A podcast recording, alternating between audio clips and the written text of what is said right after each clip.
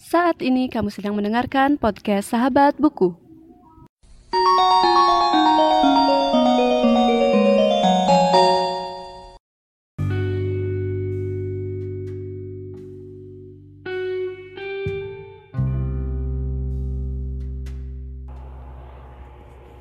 Selamat pagi teman-teman. Jadi hari ini kita balik lagi ke review novel selanjutnya yaitu Perahu Kertas dari Dilestari.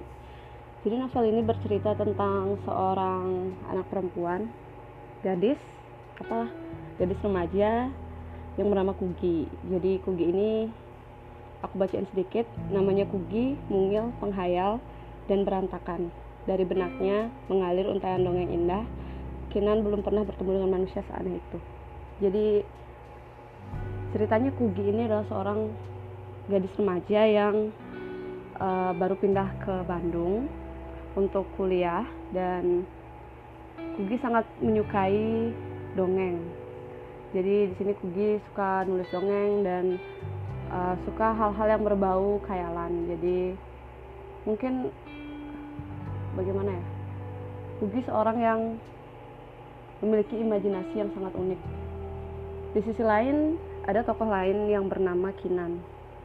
Jadi namanya Kinan, cerdas, artistik, dan penuh kejutan. Dari tangannya mewujud lukisan-lukisan magis. Kugi belum pernah bertemu manusia seajaib itu.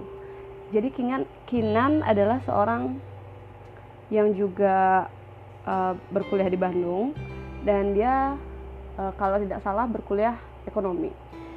Di sisi lain, padahal Kinan sendiri sangat menyukai uh, lukis, uh, lukisan. Jadi Kinan awalnya ingin menjadi seorang pelukis, namun ayah Kinan tidak memberikan restu. Jadi Kinan dengan terpaksa uh, masuk di Fakultas Ekonomi. Jadi kisah dari perahu kertas sendiri menurut aku simple tapi membekas karena aku pertama kali membaca novel ini waktu aku SMA sekitar kelas 10 atau kelas 11 dan awalnya aku gak terlalu suka baca novel dan waktu itu belum belum seintens sekarang untuk membaca bacaan-bacaan fiksi.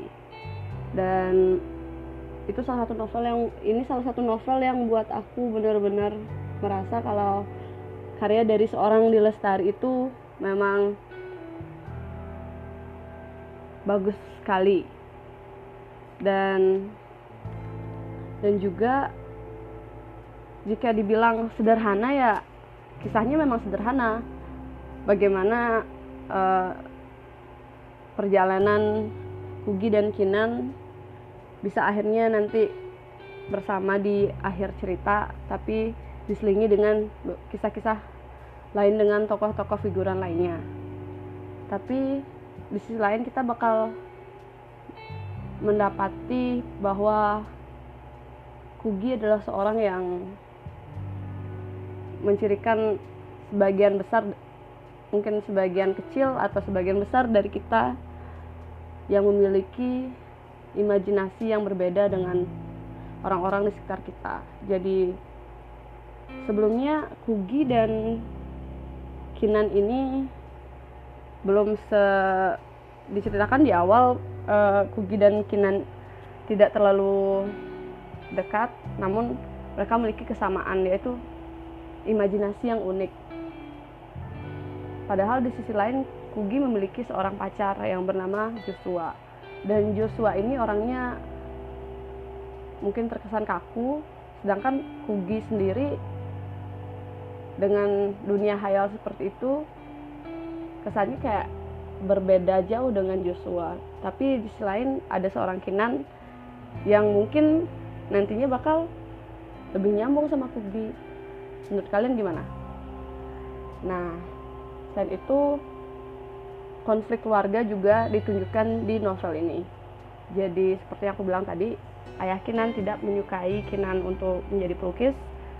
Padahal ibu Kinan yang aslinya orang Belanda itu mantan pelukis dan nanti akan diceritakan Kinan pergi ke Bali dan bertemu dengan seorang tokoh lain yang nantinya mungkin akan ikut masuk ke dalam konflik percintaan antara Kinan dan Kugi. Jadi sekian untuk review novel Pohon Kertas hari ini. Kita balik lagi ke novel lainnya. Terima kasih sudah mendengarkan.